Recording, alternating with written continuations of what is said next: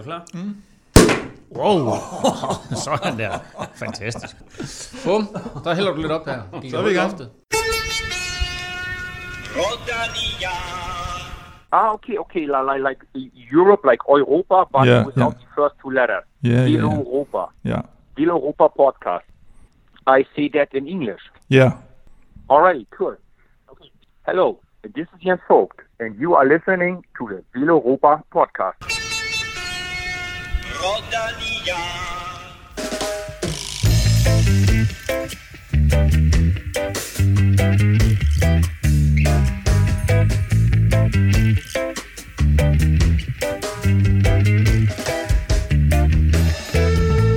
Der opstod forvirring i Matador, da Inge Formø blev 100. Var det nu 90, eller var det 100, hun fyldte? Og det samme det gør sig gældende for Velropa Podcast. Er det nu virkelig udsendelse 100?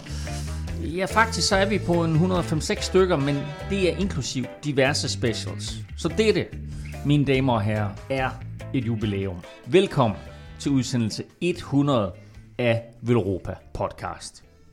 Og dermed også velkommen til mine to podcast pensionister, nu med 100 pots på banen, Kim Plesner og Stefan Djurhus. Kim, der er sket noget, siden vi to vi sad der for to år siden og slog hånd på at lave den her podcast.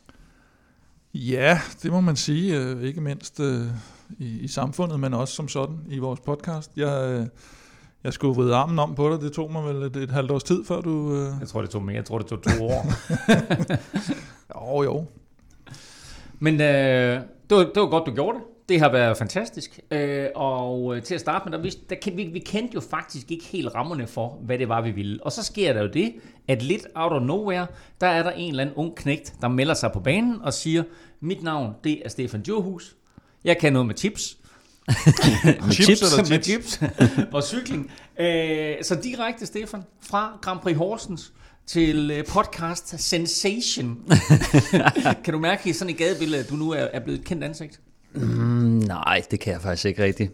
Øh, nu, er det jo, nu er det jo lyd, vi laver, så, øh, så, så ikke, ikke, nogen, øh, ikke noget stort fame her, men en lille smule på Twitter, synes jeg. Jeg er gået fra, fra 0 følgere til, til 850 eller sådan noget. Wow, det, wow, det er alligevel en, Jamen, der kan du se. en stor procent Fra 0 forøgelse. til 850 på to år. Ja.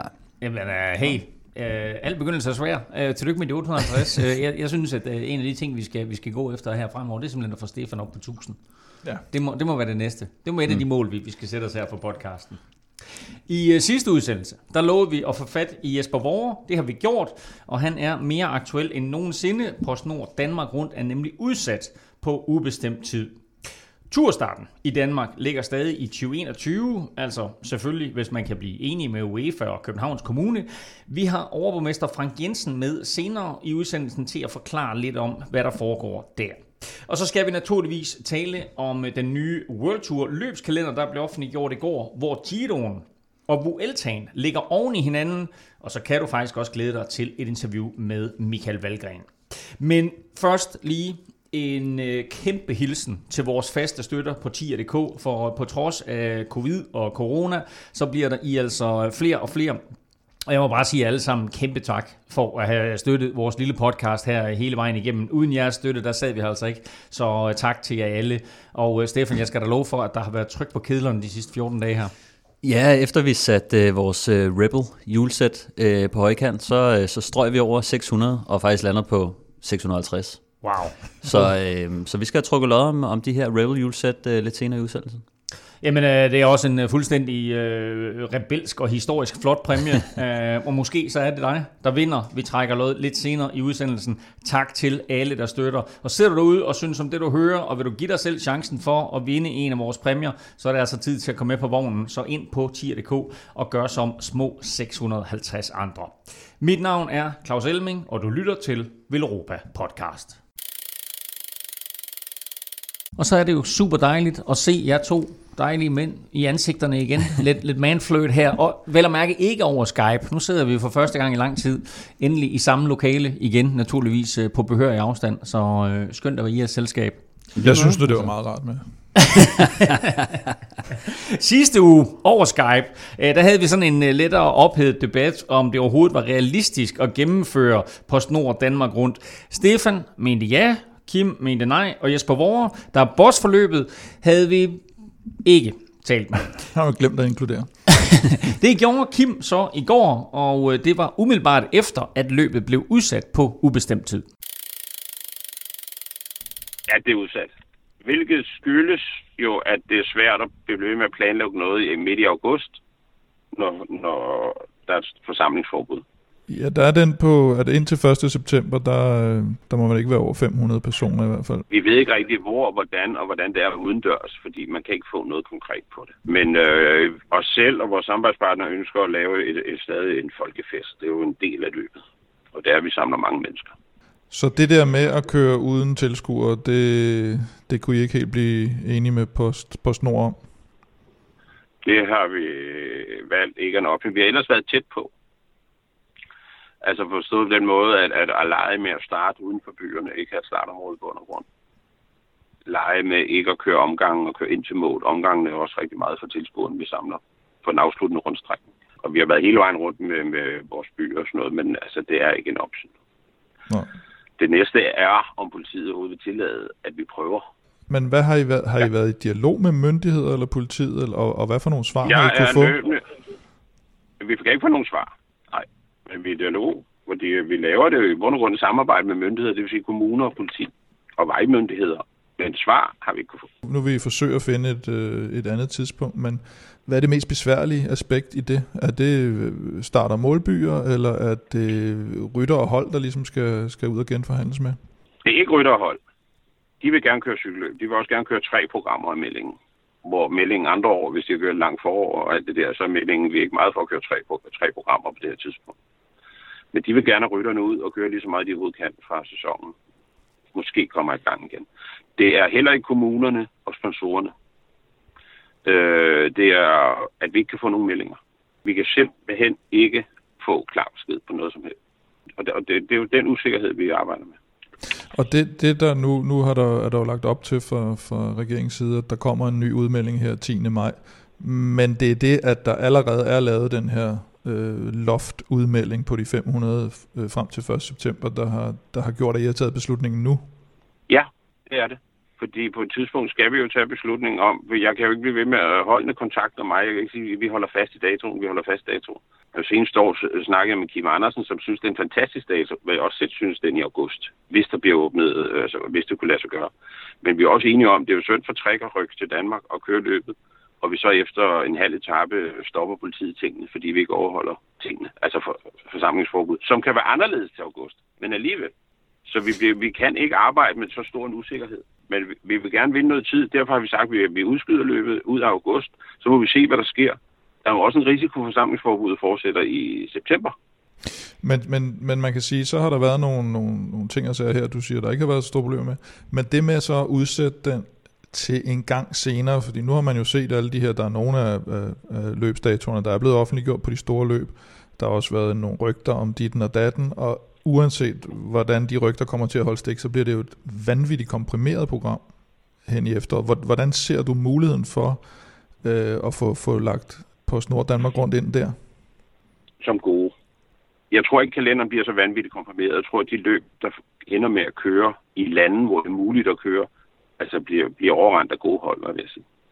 Så du tror, at, at, at der kommer til at være nogle, dels nogle løb, som øh, ikke bukker under, men i hvert fald siger, vi aflyser frem for at udsætte, før I gør, og der er nogle lande, det bliver sværere at køre i end Danmark. Er det det, din forhåbning er? Jamen, sådan ser det jo ud. Altså, det er jo simpelthen ramt forskelligt. Øh, coronakrisen og nogle lande åbner op lidt før andre. Men øh, altså, for bordenden sidder UCI, fordi hvad vil de tillade af åbningen af kalenderen? Altså, man kan jo ikke kalde det en UCI-kalender, hvis der ikke er fri rejse mellem landene. Som det er nu, skal du jo, hvis du rejser ind i et EU-land, 14 dage karantæne. Og, der, der, der, der, og der, så kan vi jo ikke køre jo international kalender. Det er i hvert fald give meget få cykelløb, så langt kan det. så meget kan jeg regne ud. Ja. øhm, så der er enorme udfordringer stadigvæk.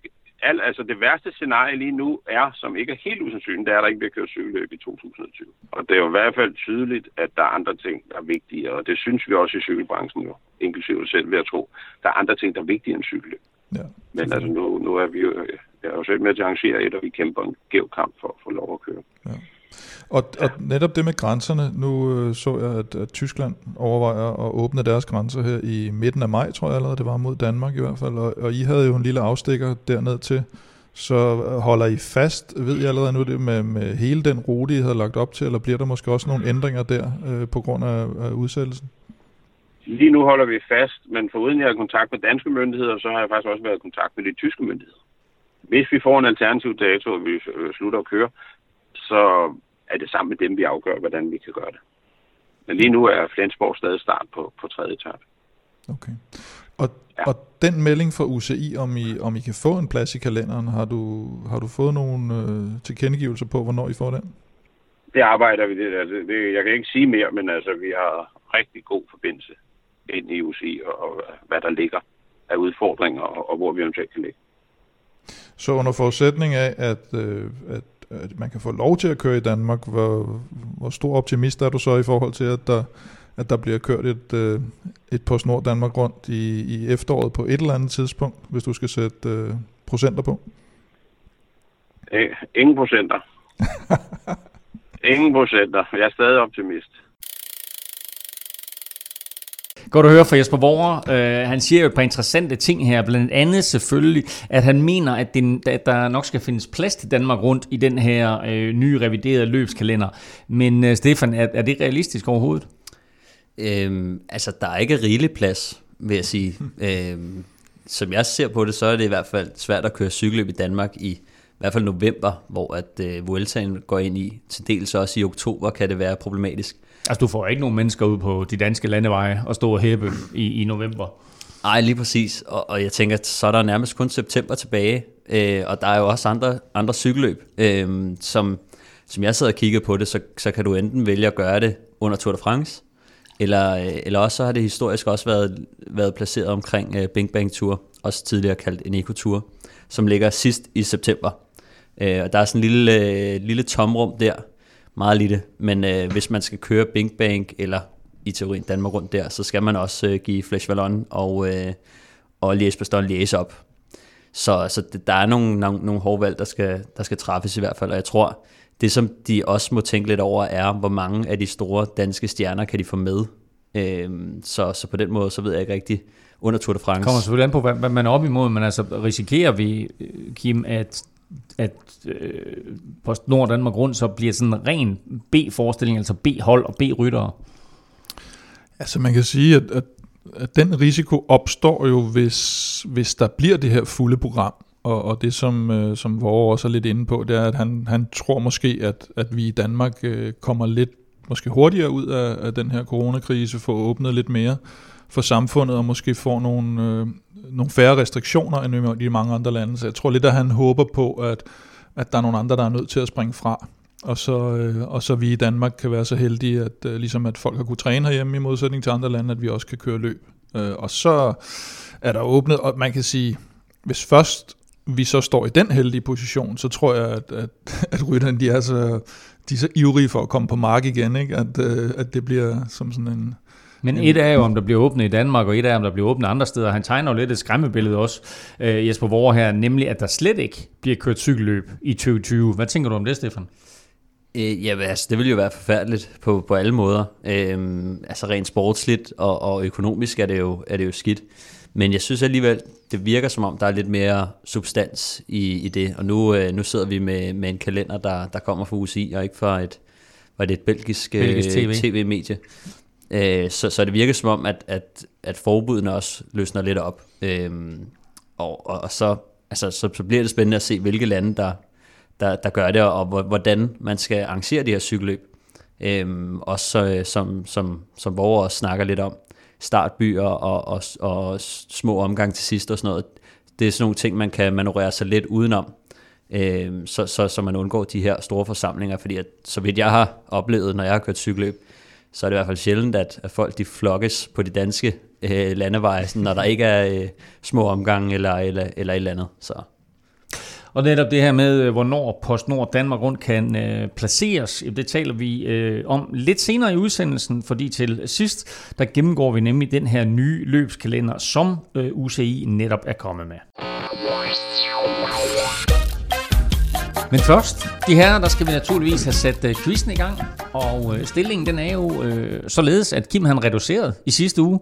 Så Stefan fortsætter i spidsen med Øh. 6 point. Men fik, fik jeg ikke point for den med, at øh, Danmark rundt blev udskudt? Nej, Det er da et point lige der. Nej, det er, det er ikke noget med quizzen at gøre. Du har fortsat 5 point. Altså, så kan du lave dit eget lille regnskab med alt muligt andet. Men, men Jeg tænker uafgjort der. Quizzen Han har- han står har det regnskabet. 6-5 forløbigt til Stefan.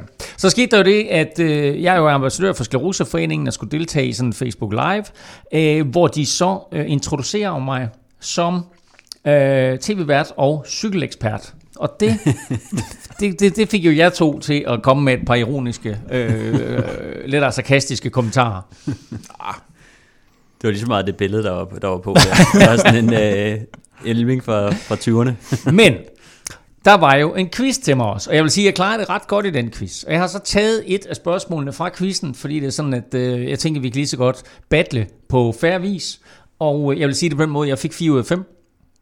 Ah. Og spørgsmålet er, hvilke fem ryttere har vundet Tour de France mindst fem gange?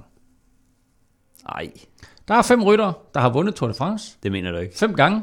Hvem er de fem? Så øh, det er quizzen, og øh, I får en lille stykke papir her og en kuglepen.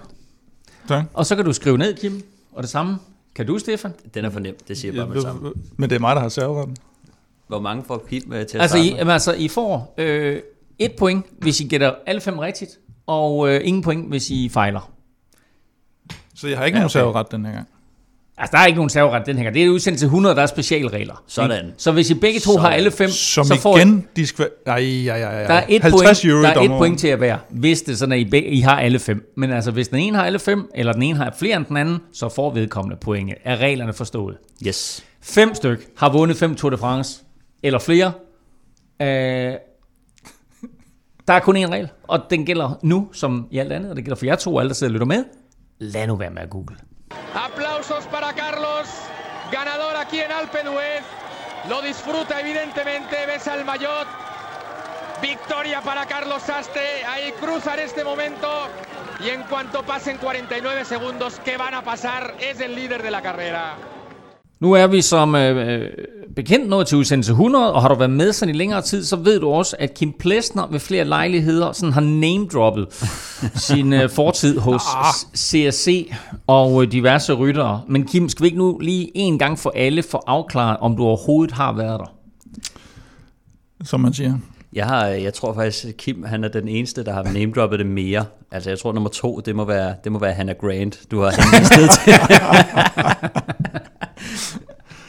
Jo, men øh, jeg synes, at øh, jamen, det er sjovt, du nævner det, nævner det Claus Elming. Øh, jeg har fået, øh, jeg har, jeg har lige fået nogle af gutterne fra, øh, fra Team CSC til at, at sende os nogle stærkt personlige hilsner. Er Sådan Grant, anledning med, er jubilæum, Grant eller med der? Eller? Det er på det niveau. det er på det niveau, vi er. Nej, jeg tænker, hvorfor ikke starte med en... Øh, nu har vi jo haft øh, noget med turvinder i quizzen. Så jeg har klippet en lille hilsen sammen fra min øh, gode ven, Carlos Sastre.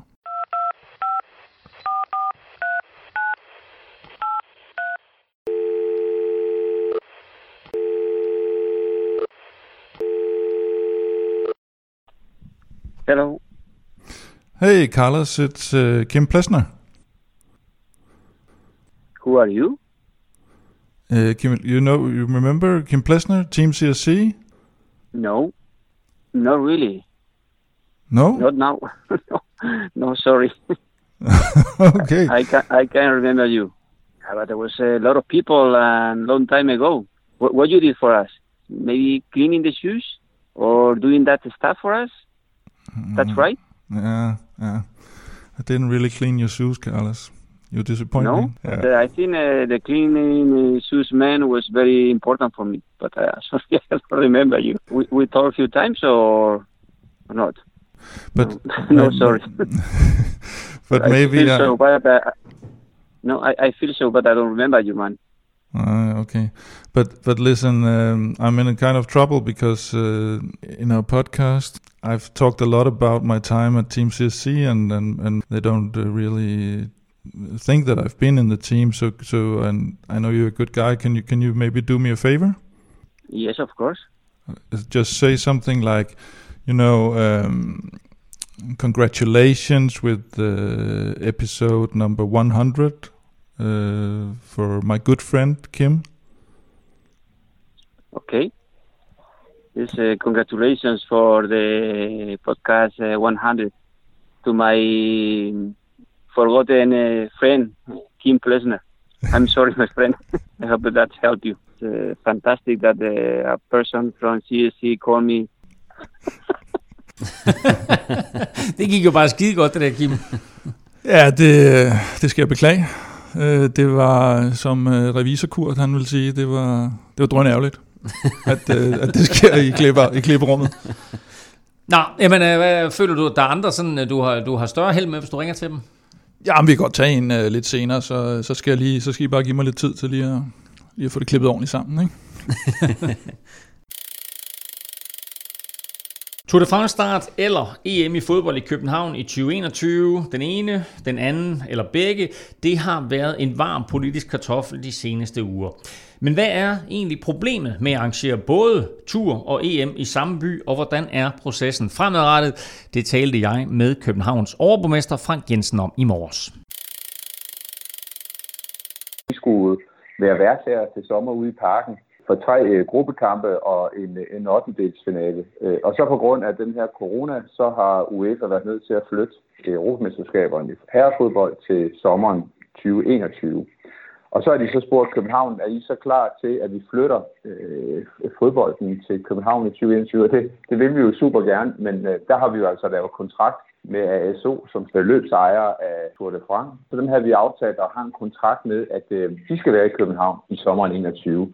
Og det vi så har gjort, siden vi fik henvendelsen fra UEFA, det er, at vi i København sammen med DBU og sammen med ASO og sammen med UEFA har prøvet at se, kan vi skabe plads til begge to store events i København sommeren 21. Det er jo ikke så meget et spørgsmål om fysik, for vi ved godt, at fodbold skal spilles ud i parken, og Tour de France øh, enkeltstarten skal køres på københavnske veje. Det, der er spørgsmålet, det er, at alle de her sponsorer, som står bag UEFA, bag ASO, de de har jo også nogle rettigheder, og de vil jo gerne have det, om så må sige, tv-rettighederne og alle billederne fra København for sig selv. Men uh, der har vi altså prøvet at lægge pres på, at begge parter ligesom skulle kunne se sig ind i, at uh, det kunne blive en kæmpe stor sportslig begivenhed, at uh, både herrefodbolden og, og Tour de France lå i København 2021.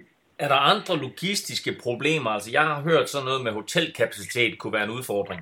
Nej, det er mere det med, at byen skal være pyntet i, øh, i gul, når det er Tour de France, så UEFA vil gerne have alle deres sponsorer ses i byen op til øh, deres kampe spilles, og øh, der er lavet sammen med, med SO og, og Tour de France, der er der lavet sådan et 100-dages program op til, at enkeltstarten kommer i København, og så de andre etaper skal køres jo. De andre to etaper skal jo køres fra, fra Roskilde øh, til Nyborg hen over Storbæltsbroen, og den anden etape skal køres fra Vejle øh, til Sønderborg. Det bliver jo en kæmpe begivenhed.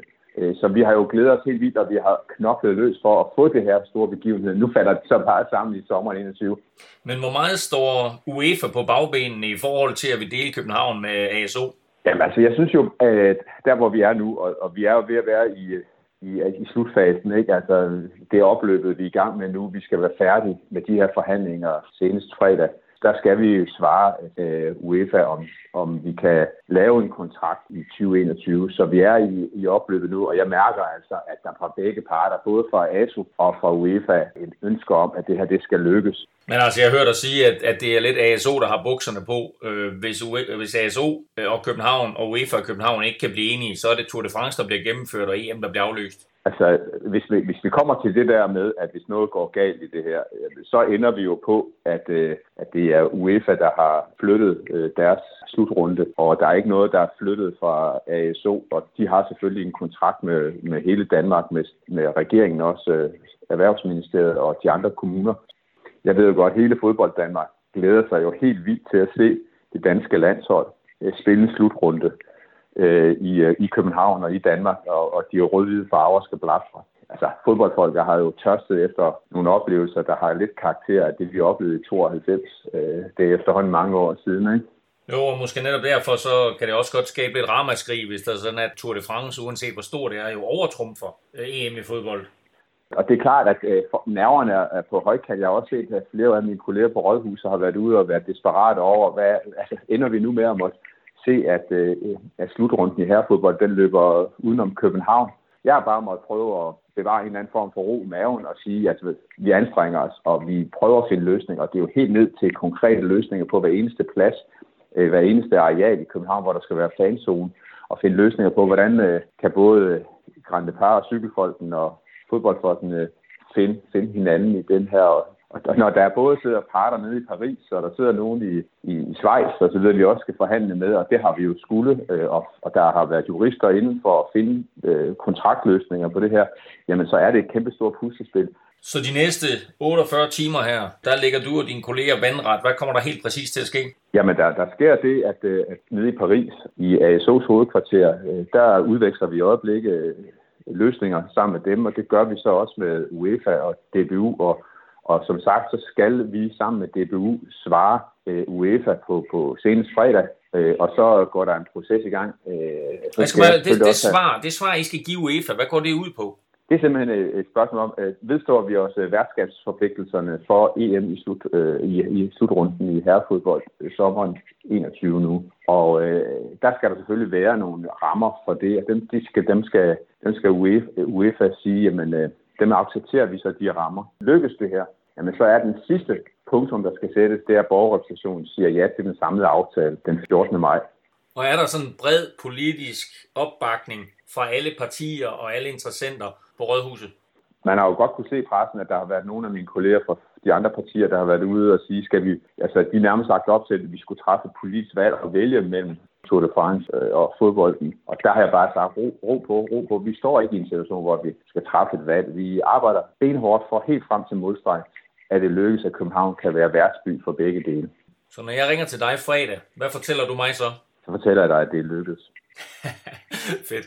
Tak Frank Jensen. Tak fordi du havde ja, tid til at være med her i udsendelse 100 af Velropa podcast, og held og lykke med de næste 48 timer. Tak skal du have.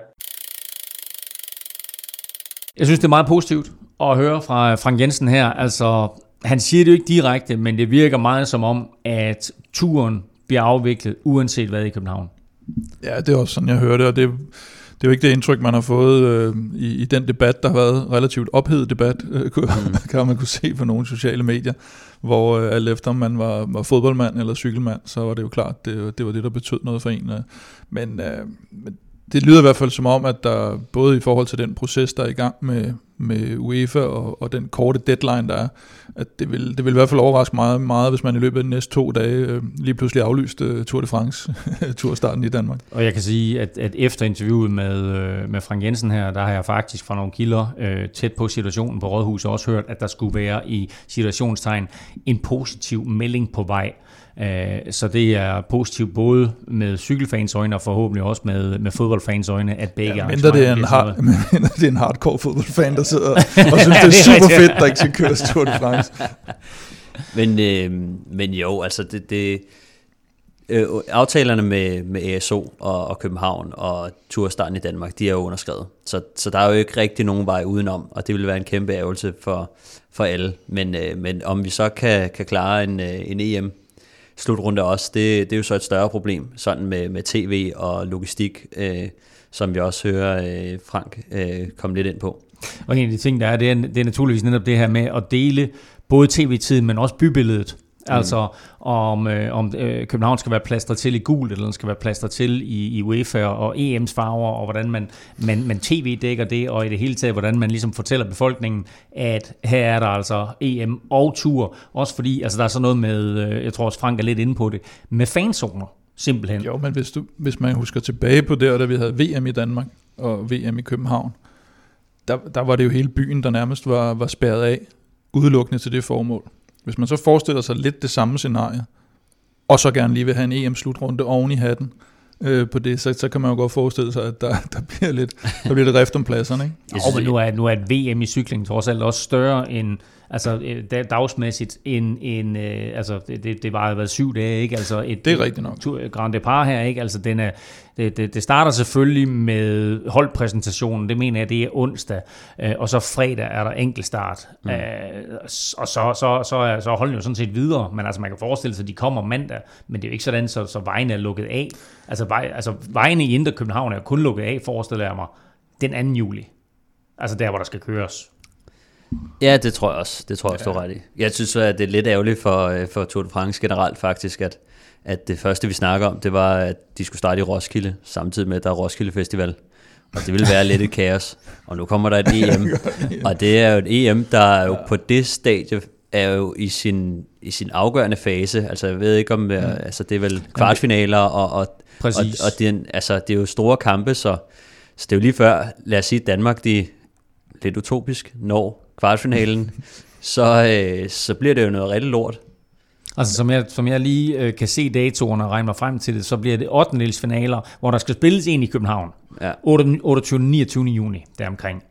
Og det vil sige, at de tre indledende puljekampe og den her 8. finale er færdigafviklet. Der skal ikke spilles mere fodbold i København efter det. Så det vil sige, når enkeltstarten skal køres 2. juli, så er der ikke fodbold i København. Der er godt nok fodbold øh, et eller andet sted i Europa i en kvartfinale, for der er kvartfinaler jeg, jeg, tror, jeg vil tro, det er 2. juli og 3. juli, måske 3. og 4. juli, men, men ja. formodentlig 2. juli og 3. juli.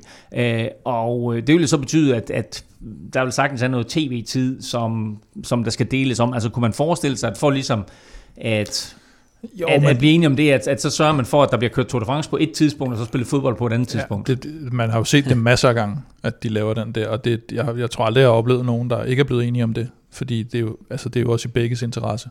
Ja. Det er jo trods alt, øh, det, det er nogle relativt store sportsarrangementer, vi taler om her. Det er jo ikke, det er ikke sådan øh, bare en, en lille Det er ikke begivenhed. Og, Nå nej, men det er ikke en lille begivenhed, og sådan en mega stor begivenhed. Nej. De, de ligger jo faktisk sådan nogenlunde på, på niveau, plus minus, ikke?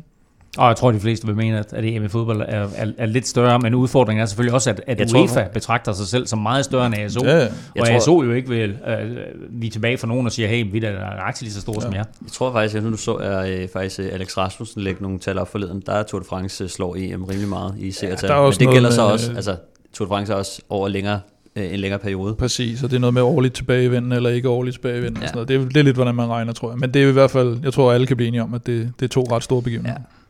Siger og skriver lige nu tidspunkt 17.45 onsdag aften. Det vil sige, der er altså ja, der er under 48 timer til, til vi finder en afgørelse på det her.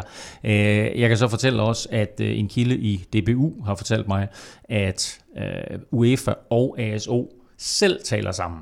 Så det er jo positivt. Mm. Sådan så de er i en eller anden form for dialog om at få det her til at fungere. Så vi ved meget mere på fredag, og vi glæder os, og forhåbentlig er det en positiv udmelding, både for cykelfolket og for fodboldfolket. Og nu, kære lytter, er det så blevet tid til at finde vinderen i vores store 10'er konkurrence. Vi har knust den magiske milepæl på 600. Ja, faktisk skal vi, som Stefan nævnte tidligere, op på 650, og dermed så skal vi altså have fundet den nye ejer af et par super fede hjul fra Danske Rebel.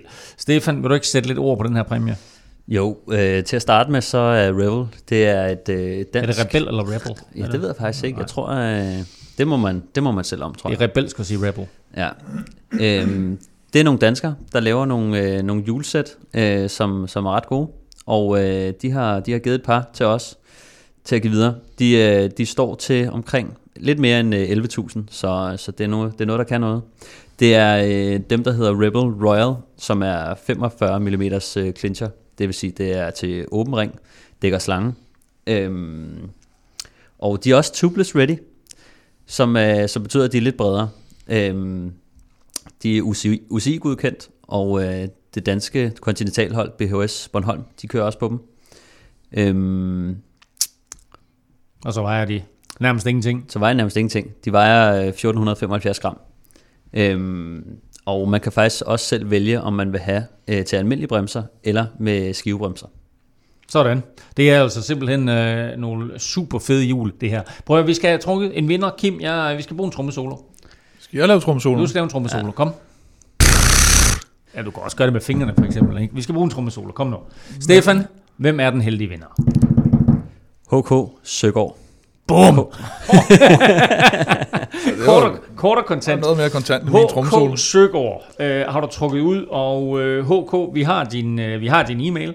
Øh, vi gætter på, at du hedder Hans Christian. Øh, så øh, Som i Matador. tillykke, Hans Christian.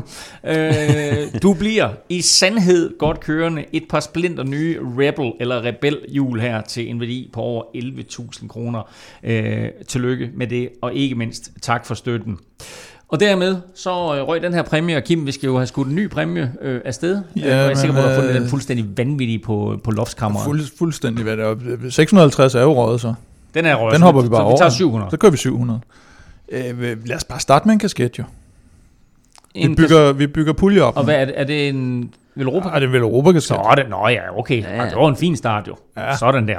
Direkte er i fra høj kurs. Rebel julesæt til en Velropa kasket, og så må vi så bygge på øh, hen ad vejen. Næste milepæl er altså 700, hvor vi laver næste udtræk, udtrækning.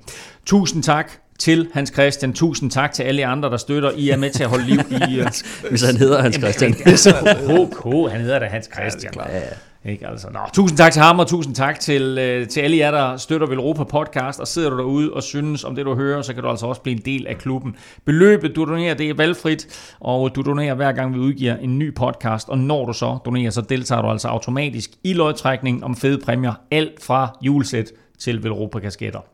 Og for alle vores lodtrækninger, der fungerer det jo på den måde, at øh, for hver femmer du donerer, der får du et lod i puljen, så jo større beløb, jo flere lodder, og dermed altså større chance for at vinde. Du finder link både på velropa.dk og på tier.dk. Det er episode 100, og vi er glade for, at Michael Valgren har tid og lyst til at være med i vores jubilæumsudgave. Her fortæller han blandt andet, at coronakarantænen både har været godt og skidt. Og skal man lave et interview med Valle, så er man enten nødt til at tage til Ty, eller fange ham, hvor han bruger det meste af sin tid lige nu. Jeg sidder på den famøse home trainer, skal køre noget Swift Ride med Borium IT, som er en ny sponsor af NTT Pro Cycling, så jeg sidder herinde og, og varmer op, så det er klar til det. Og, og, altså, og jeg ved, at du og mange andre jo har kastet jer over det her. Øh, øh, selvfølgelig en måde at, at holde formen ved lige på, men er det også noget, der sådan giver noget konkurrenceelement? Øh, jeg vil nu mere sige, at jeg er blevet tvunget til at blive kastet ud over det. Det, det er sgu ikke noget, jeg øh, sætter ikke op, op efter. Jeg synes, at det, altså, nu er vi så heldige i Danmark, at vi træner udenfor, og det ved jeg til en tid. Altså, det her hjemmetræning, det er kun noget, jeg, jeg gør, når jeg ligesom skal, skal tunge til det, så men det, det er okay. Altså, nu kører jeg i dag et, et cykel i dag, og det fungerer sgu meget fedt. Det var sgu sjovt, altså. Pisse hårdt, men, men få den der konkurrence stemning tilbage og, og give den tilbage i en, det var egentlig okay. Jeg talte med Frederik Rodenberg øh, for et par uger siden, og han fortalte mig, at der findes mange af sådan nogle øh, øh, Swift-amatører, der kører rigtig stærkt. Har du mødt nogle af dem også? Det har jeg været rigtig mange af. Vi har kørt nogle af de her NTT rides og også cykelløb, altså hvor jeg fik køretur første gang. Og jeg kørte alt det, der jeg kunne. Jeg kunne bare ikke sidde med. Og der er faktisk en del, del, del taktik i det, så når man lige lærer at sidde på hjul og, og kan frem på det tidspunkt, så er det egentlig sådan okay, men der er nogen, ikke også? De har sgu... De har, valgt i benene. Men er hvad det ved jeg ikke. Hvad, hvad, hvad med det klassiske Michael Valgrens slangehug? Fungerer det på Swift? Det var lige ved at lykkes i dag. I det der swiftcykel, der blev hentet der for de sidste 400 meter. Angreb med 5 igen, så det var lige ved at lykkes. Jeg tror, i normal verden, så havde den, så havde den været der.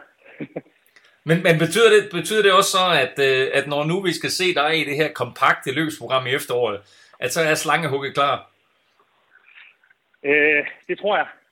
Jeg har sgu meget godt kørende her på det sidste. Jeg har lige holdt en uges pause faktisk, hvor det ikke skal blive alt for ensformet, så også vi lavede lang tid til løbende, og, og det er gået godt, bare for ikke kan dø i det. Så jeg har lige taget en uges pause og startet igen i går. Øhm, men det går så godt, altså.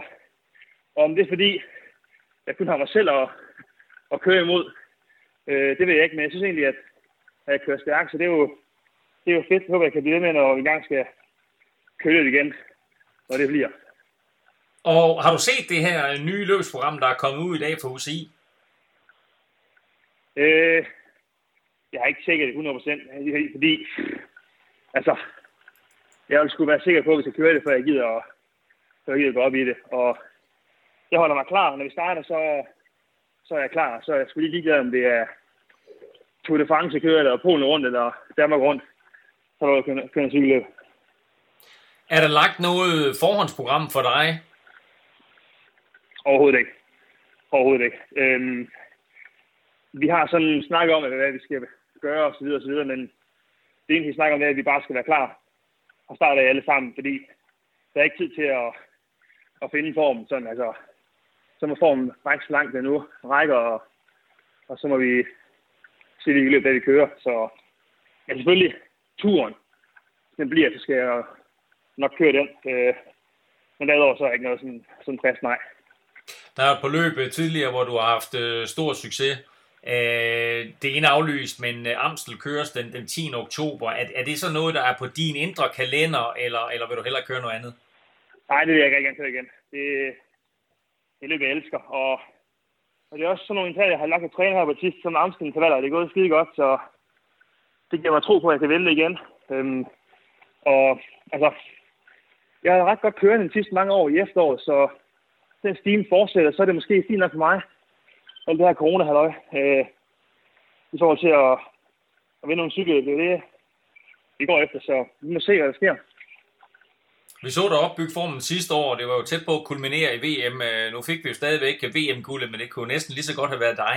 Øh, sæsonen her er jo skubbet øh, meget og slutter jo faktisk først hen, hen i november en gang. Altså, er, er det noget, du tænker, der passer dig? Ja, men det tror jeg okay. Altså, jeg har egentlig god til at have nogle, eller holde skruen i vandet der sidst på sæsonen normalt, så, så det er okay, men det er jo helt anderledes i år, hvor alle ligesom har væltet, ikke? Altså, hvor normalt er folk, de er lidt bare ud af turen eller Weltan. Øhm, I år er det der kørt cykelløb, så tror alle står som, som vilde heste i boksen, ikke? Så jeg tror, det er helt anderledes generelt. Og tænker du, at øh, I danskere, I har en lille fordel, øh, fordi I netop har været i stand til at træne? Ja, det skal man da mene. Det skal man mene. Jeg tror, der er en stor forskel på at køre 4 timer på landevejen, 4 timer på Swift. Øhm, jeg tror, at ikke nødvendigvis sådan noget home det er, det er super træning, men øhm, på den anden side, altså, det er svært at sige. Øh, der er lang tid til, og hvis folk begynder at træne sig nu, så er der ikke over 100 dage, til turen starter. Så, så det er den her syv ugers periode, den har givet os, os noget. Jeg har trods holdt pause i, i to og halv af dem, så det er svært at sige. Og har det været, har det været godt for dig at, at, at, at være hjemme, både at se familie, men selvfølgelig også hygge dig både med kone og barn? Jamen, det er jo lidt sjovt, fordi vi er hjemme uden at se nogen, ikke rigtigt, fordi at vi har sgu respekteret corona-halløjen. Øhm, og så, ja, jeg har ikke været overskud til at, til at se noget heller. Vi har, vi har en søn, der ikke rigtig gider at sove om natten, så det, det er sgu hårdt. Så på den ene side, så er det meget fedt, at jeg kan nogle cykler, så kan jeg ligesom hjælpe til at, og så også ham ligesom vokse op de her to måneder. Jeg kæft, hvor har han udviklet så meget, så det har været rigtig fedt faktisk. Så på den måde, så rammer corona mig sådan lidt helt i uheld, ikke? Og sådan, misser mine klassikere, men de kommer senere. Men får så trods alt Axels øh, opvækst. Så det er sgu meget fedt. Og hvis du sådan skulle øh, sætte navn på et løb, hvor du tænker, det er her, vi skal holde øje med Michael Valgren i efteråret, hvad skal det så være? Danmark rundt. nu, må, nu må vi se, om det bliver til noget, men det håber jeg da. Så øh, det vil vi gøre. Øh, Michael, øh, du, du, du, du kæmper hårdt, kan jeg høre på dig. Tusind tak, fordi du har tid til at være med ja. her. Det er i orden. Selv tak. Håber det. I har det godt alle sammen. Dejligt at høre fra Valgren. Øh, Stefan, han siger her, at han ikke har kigget, kigget løs programmet igennem. Er det sådan uh, typisk cykelrytter, at de bare tager det sådan lidt, som det kommer? Øh, nej, overhovedet ikke faktisk. øh, men jeg tror, at som, som, som Valgren har det, har de fleste cykelrytter lige nu, at, at de betragter det lidt som en off-season, fordi at de ved ikke, hvornår de skal køre cykelløb igen, og der kan potentielt være et par måneder til. Altså nu, nu ved vi, at den nye kalender, den, øh, den ser ud til at starte i 1. august, så, øh, så nu ved de sådan cirka, hvornår de skal begynde at, at time formen, men alle cykelrytter har brug for det der mål, øh, som man sætter sig, som man bygger hen imod. Og når du ikke har det, jamen, så er det meget svært, og så bliver man sådan lidt, jamen, hvad, hvad skal man så lave? Øh, så, så, så, så nu, hvor at kalenderen er, vær, er ved at være der, og så skal de lige begynde at høre fra holdene. Holdene skal lige begynde at sammensætte trupperne og finde ud af, at nu skal folk udtages øh, helt forfra igen, ikke? Så, så hele den der proces skal lige køres igennem, og så får rytterne det at vide, og så begynder de at, at sigte sigtekornet igen, og så, så, bliver de, så bliver de mere skarpe og ved godt, hvornår de skal køre. en, en af de ting, øh, Kim, som Michael han siger, han har sigtekornet på her, det er jo ikke, øh, altså, øh, det han ligesom fremhæver, det er, at han glæder sig til på snor Danmark rundt. Ja, Ej, jeg tror, vi har fat i lidt, uh, lidt uh, grov, grovkornet uh, jysk humor der, nordjysk humor, fordi uh, jeg har lidt på fornemmelsen, at uh, der er et uh, Amstel Gold Race, han går og, og lurer lidt på, at hvis det bliver afviklet, så, så vil han gerne, nu snakker han om det der med, at det er svært at ramme to- formtoppene her, og, og man må tage det, man kan få, men, men, men lurer mig om ikke, han, han har den lidt indstillet på, på Amstel. Lød i hvert fald på ham som om, at øh, netop at, at slangehugget var klar. Han følte sig øh, godt kørende, om end det var på ruller eller på øh, øh, landevejene i Thy. Jeg har Ja. lige et spørgsmål. Ja. Ja. Var han hjemme i Thy? Ja. Ja okay. Nå, det, var, det, var en god, det var en god ting. Fordi Så- hvis han var nede i Monaco, så måtte han jo ikke træne udenfor. Nej, nej, Og men der- altså, han, han har været i Thy og har trænet i, i vinden deroppe og bakkerne deroppe, så øh, Ja. han, øh, jeg tror, han føler sig i, i, i god form. Nu, mine herrer, øh, har jeg så den glæde at kunne præsentere en ny partner her på Velropa Podcast. Det er et medie, du kender, eller i hvert fald har hørt om. Jeg er medlem, fordi Zetland udfordrer mig, kommer med nogle nye vinkler på tingene. Det er et medie, som har et udsyn, som er grundig i sin tilgang til, til nyheder, og som jeg synes giver en spændende vinkel på mange forskellige emner. Jeg synes, at det er vigtigt, at man også øh, betaler for at, at få noget ordentlig journalistik. Og nu spørger du selvfølgelig, what's in it for me? Det korte og lange er, du kan spare penge. Og det hele foregår på zland.dk-velropa. Men Kim, hvordan er det her kommet i stand? Jamen det var egentlig Zetland, de mener af en eller anden årsag, at øh, vi, vi har lidt til fælles øh, ved Europa Podcast og dem med, med noget omkring fordybelse. At man ligesom øh, dykker lidt ned i de, de emner, man, man laver. Og så, og så vil jeg også sige, at, øh, at øh, fænomenet helikopter har fået en, øh, en lidt ny betydning for mig. Nå, det kender jeg da ellers godt til. Ja. Jamen, altså, jeg, vil- når- når jeg øh, laver det hjemme hos Maria, så, øh, så er det en ting, og, men Zetland, der er det åbenbart, øh, der er det deres daglige nyhedsoverblik, der, der hedder helikopter. Og, øh, og det er faktisk ikke noget, man læser, det er noget, man hører. Og i sidste afsnit, der fandt vi ud af, at Stefan han er ikke så glad for at, at læse bøger, medmindre det handler om øh, den latente EU-skepsis. Ja, det har jeg lidt. Så, øh, så måske der er noget for, for ham der. Med en, man kan Så ikke altså, man, det- man, kan både, man kan både læse nyheder, men man kan også få det i alle, podcastform eller alle lydform. nyheder er læst op også, så man faktisk kan få det i, i lydform. Mega sejt. Øh, det her det er så alt sammen øh, meget godt, øh, men hvad betyder det sådan helt konkret for vores lyttere? Jamen det betyder jo, at øh, vi, vi har lavet en aftale med Zetland om, at, at vi så kan tilbyde lytterne en to måneders øh, aftale, hvor du faktisk får det for 50 kroner. Øh, og det, det er relativt øh, billig pris for en, øh, en aftale uden, øh, uden binding. Så det er altså en specialpris for lyttere af Velropa Podcast. 50 kroner, og så har du adgang til et af Danmarks skarpeste medier, der giver dig indblik og fordybelse i to måneder.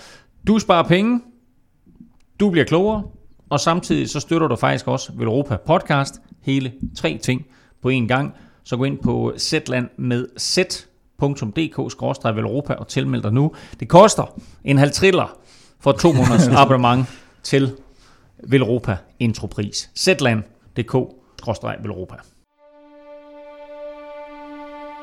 Jens Vogt from CSC is a power source, a good center on a cycling team. He is loyal and professional, good humored, respected and loved by both the audience and the riders. He is the king of breakaways. Nå Kim, der er ved at gå sådan uh, helt uh, ren Anna Kasper i din fortid hos uh, CSC. Uh, kan du bekræfte, at, uh, at dit cykel-CV det ikke bare er ren fup? Ja, jeg synes, nu, nu tror jeg, den er her. Ikke? Øh, Nu, nu er det en af mine rigtig, rigtig gode venner. Så hvem, hvem skal vi høre fra nu? Det er Jens Fugt, eller, eller jeg, altså, som en af de eneste, tror jeg, så kalder jeg ham bare Jensi. Jensi. Jeg tror ikke, der er nogen andre, der Jeg tror, der er et par stykker, der kalder ham Jensi. Nå, men her kommer han. Han, øh, han er klar med en, øh, en super eksklusiv hilsen fra, øh, fra Berlin.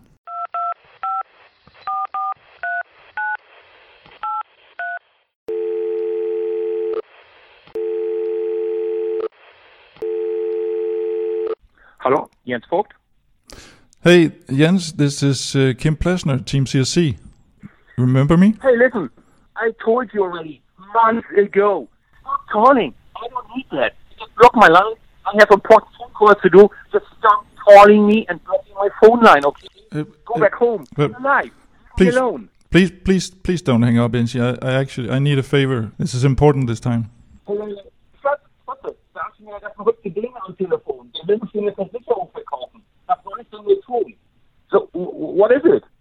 It's uh, I, I do this uh, this podcast with some friends of mine, and I've, and I've been telling them that I was at Team CSC once, and they don't seem to believe me. So so it would be really important if you if you said something like, uh, "Congratulations with your episode number 100 for my my good friend Kim from Denmark." Can you? Alrighty. I will do it, but only if you pay me, okay? Here Yeah. it comes. Get the recordings ready. Okay, okay. What do I have to pay you? Um, I guess probably like a little 500 gram bag of Colombian coffee would do it. okay, that's a deal. Can you please say? the-. Yes, here we are. This is for my good old friend Kim Plasner, and yes, of course, he is a member of CFC, and this is to congratulate him for the 100th edition of his podcast. Thank you very much. this is good. Was it like something you wanted? Yeah, or something I- do it again? That's good. All right, is that enough to, to cut it now? That is enough. That is very good. I think this will be very, very good. Alles gut. Øh, Kim, dit kliparbejde, det er sgu ikke skide godt. Nej, det er det ikke. Der må jeg bare lægge mig ned. Men øh, jeg synes, det, er, det, er, det står soleklart nu, at, øh, at der er styr på det med Team CSC. Jeg ved det ikke helt. Ja, Nu, har- nu har vi hørt både fra Carlos Astra og fra det Jensi. Hvad, hvad siger vi, Stefan? Tror vi på Kim? Ja, efterhånden ja, så, altså, hvad, hvad var det, Carlsons, han mente, han havde skulle øh, pudset sko, og, øh, og Jens, han, han mente, han var telefonsælger, så, øh, så et eller andet har han, øh, nogle forskellige Ja. kasketter har han haft på, på Team CSC i hvert fald. Ja. Sådan. Godt, jamen altså hermed slå fast. Vi har ingen anelse om, hvad du lavede for CSC, men du var der en overgang. Tirsdag eftermiddag offentliggjorde UCI den officielle nye World Tour kalender, og den ligner faktisk den kalender, vi gennemgik i sidste uge, men med en meget stor forskel. Giroen og Vueltaen overlapper. Det står dog fast, at alle tre Grand Tours, VM, de nationale mesterskaber og de fem monumenter alle gennemføres, med mindre vi naturligvis bliver covid igen. Dermed så får hold og rytter en øh, særdeles pakkekalender, hvor højdepunkterne er, og nu skal I spidse ører. Lørdag 1. august Strade Bianche, lørdag 8. august Milano Sanremo, 12. til 16. august øh, Criterium du Dauphiné, 22. og 23. august de nationale mesterskaber, så kommer Tour de France fra 29. august til 20. september, mens der er Tour de France fra 7. til 14. september, Tirreno Adriatico.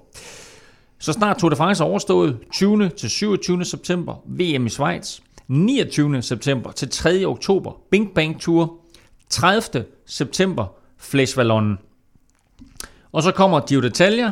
Den køres fra den 3. til 25. oktober. Og under Gio d'Italia, 4. oktober, Liège-Bastogne-Liège. 10. oktober, Amstel Gold Race. 11. oktober, Gent Wevelgem. Og 18. oktober, Flandern rundt. Og også under Giro d'Italia, der begynder Vuelta a España. 20. oktober er der start på Vuelta a España. Der er der altså stadigvæk 6 etaper tilbage af Giroen. Vueltaen er skåret ned til 18 etaper. De tre startetapper i Holland er aflyst, og dermed så hedder Vuelta a España nu 20. oktober til 8. november. Og den 25. oktober, der er der sidste etape i Giro d'Italia. Der er femte etape i Vueltaen, og sjette etape er det faktisk af Vueltaen. Og så er der også Paris-Roubaix.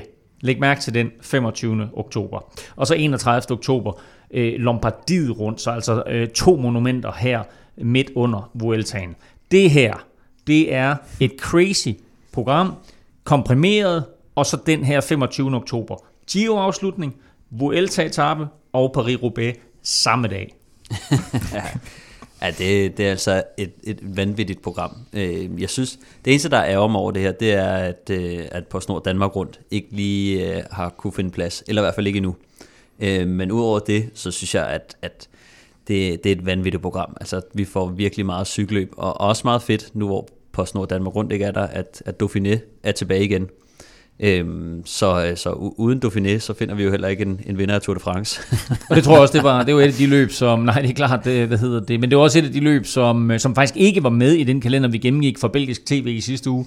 Øh, og der ligger Dauphiné altså øh, fra den 12. til 16. august, så altså øh, 13 dage inden, inden turen starter. Men øh, den her 25. oktober, hvis vi lige holder fast i den, Kim, Altså, hvordan, hvordan fordeler man de rytter, der skal køre det hele? Fordi du har, du har afslutning på Giroen, du har en Vuelta-etappe, og så har du Paris-Roubaix. Altså, det er vel de færreste hold, der bare kan sige, hey, I kører det her, I kører det her, og så har vi lige en gruppe også, der skal køre øh, en, en klassiker, som Paris-Roubaix, den største af dem alle sammen. Nej, det, ja, det må man jo, det må man jo prøve at finde ud af. Jeg, jeg, jeg, det, det er en helt vanvittig dag, og man må håbe, at de lægger, nu vi snakkede tv-tid tidligere, at, øh, at de finder Mm. ud af noget med det, fordi jeg, der er der en, et par af de der ting, jeg gerne vil se. Øh, og så kan man jo igen hæfte sig ved, at øh, hvis VM også bliver afviklet, så bliver det jo altså ikke et Paris-Roubaix med, med Mads P. i verdensmestertrøjen, medmindre han genvinder VM. øhm, og så hæfter jeg mig faktisk også, øh, nu når vi lige gennem, eller du gennemgik den, at øh, jeg tror ikke, Philip Gilbert skal køre Giro d'Italia.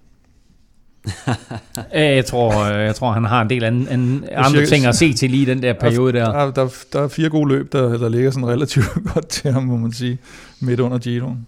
Men, øh, men ellers så, øh, altså, det er jo svært at, at også få plads til, til, til et løb, som, som vi snakkede om. Øh, Nu ved jeg godt, hvor mener jo ikke, at der bliver så komprimeret. Og det, det må vi jo se, om der gør. Men, men hvis det bliver den her kalender, så, så, så er den lidt svær at få et, øh, et stærkt besat øh, øh, på Nord Danmark rundt. Øhm, han har været ude lidt med en melding om, at han synes, at starten af, af september er det, der ser, der ser bedst ud, og der snakker vi jo så altså under Tour de France. Mm. Men det er jo rigtigt, at der er jo ikke så meget anden konkurrence end øh, Tirreno Adriatico, så, så set i lyset af den her kalender, er det jo sådan nærmest øh, en tørkeperiode. Og så har vi jo lige sådan et, et lille øh, fransk hængeparti, nemlig bliver Tour de France overhovedet gennemført? Fordi det er stadig ikke helt sikkert. Nej, den ligger også tidligt i kalenderen, ikke? Øh, og i forhold til, hvordan det går ned i Frankrig, og i forhold til, at, at, at Frankrig ellers med sportsarrangementer har, øh, har aflyst det frem til er det 1. september. Øhm, og der har øh, UCI's præsident været ude at sige, at han regner med, at der kommer den, den endelige beslutning her i, i slutningen af juni først. Og der er jo altså alligevel et stykke tid til. Det er der. Øh, Stefan, jeg kigger også på den her kalender, og som sagt, altså så Giroen og Vueltaen øh, overlapper øh, den kalender, vi gennemgik i sidste uge. Der lå de faktisk øh, med en uges mellemrum, mm. men, øh, men her der overlapper de altså med seks dage, så de seks første dage, seks første etaper af Vueltaen bliver altså kørt samtidig med, med, med Giroen. Øh, det er vel på en eller anden måde lidt ærgerligt, men også fedt, at begge løb bliver gennemført. Ja, netop. Altså, det, det er jo lidt svært, at, at, at, når man skal se de her etaper, ja, de kan ikke undgå at overlappe, fordi at du kan ikke rykke sådan de lange etaper øh, så meget fra hinanden, øh, så, så de vil nok blive vist på samme tidspunkt. Så det er lidt ærgerligt, at man skal vælge øh, mellem, hvad, hvad man vil se live i hvert fald. Øh, men samtidig så, øh, så får vi altså en hel del cykelløb. Vi får jo, vi får jo Grand Tour i, i, i over fem uger øh, i streg, så, så det er jo også meget fedt. Øh, og bare, bare fedt, at, at det ser ud til, at de kan blive gennemført, og de er blevet enige om, hvordan det skal være, hvis det er. Kan I mærke, at vi kommer på overarbejde i den periode der, drenge? det håber vi da. Noget helt andet, vi også talte om i sidste uge, det var det her med en, en amputeret Ardenner uge. Men nu er den faktisk blevet sådan lidt mere samlet i det nye program her, sådan så de her tre klassiske løb, de ligger inden for en 8-dages periode. Eller 10-dages periode er det vist. Ja, og det, det er også fint, synes jeg, at, at man ligesom holder bare en lille smule fast i, i, i traditionen på den måde, også, også for de rytter, der skal køre det, at de så kan måske fokusere øh, i en, en lidt samlet periode på det der, og netop en, en Gilbert-type øh, kan, jo, kan jo godt se, hvor det er, han, øh, han skal finde noget topform, eller øh, en, en peak han i, i sæsonen.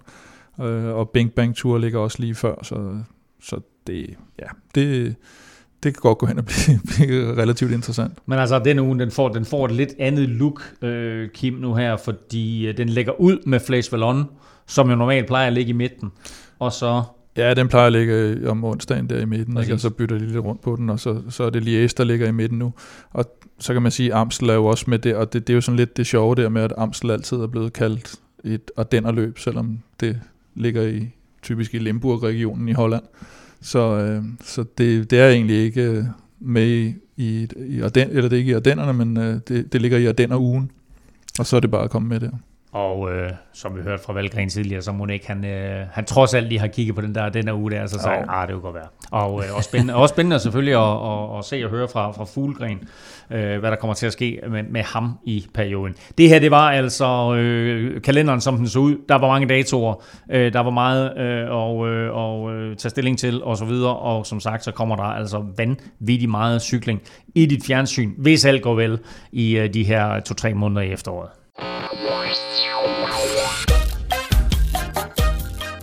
Vi skal have afgørelsen i quizzen, og øh, I var jo meget sådan øh, koldhøne, da jeg øh, præsenterede quizzen, og mente, at den kunne I, i hvert fald helt sikkert øh, de her fem ryttere, der har vundet fem Tour de France eller flere.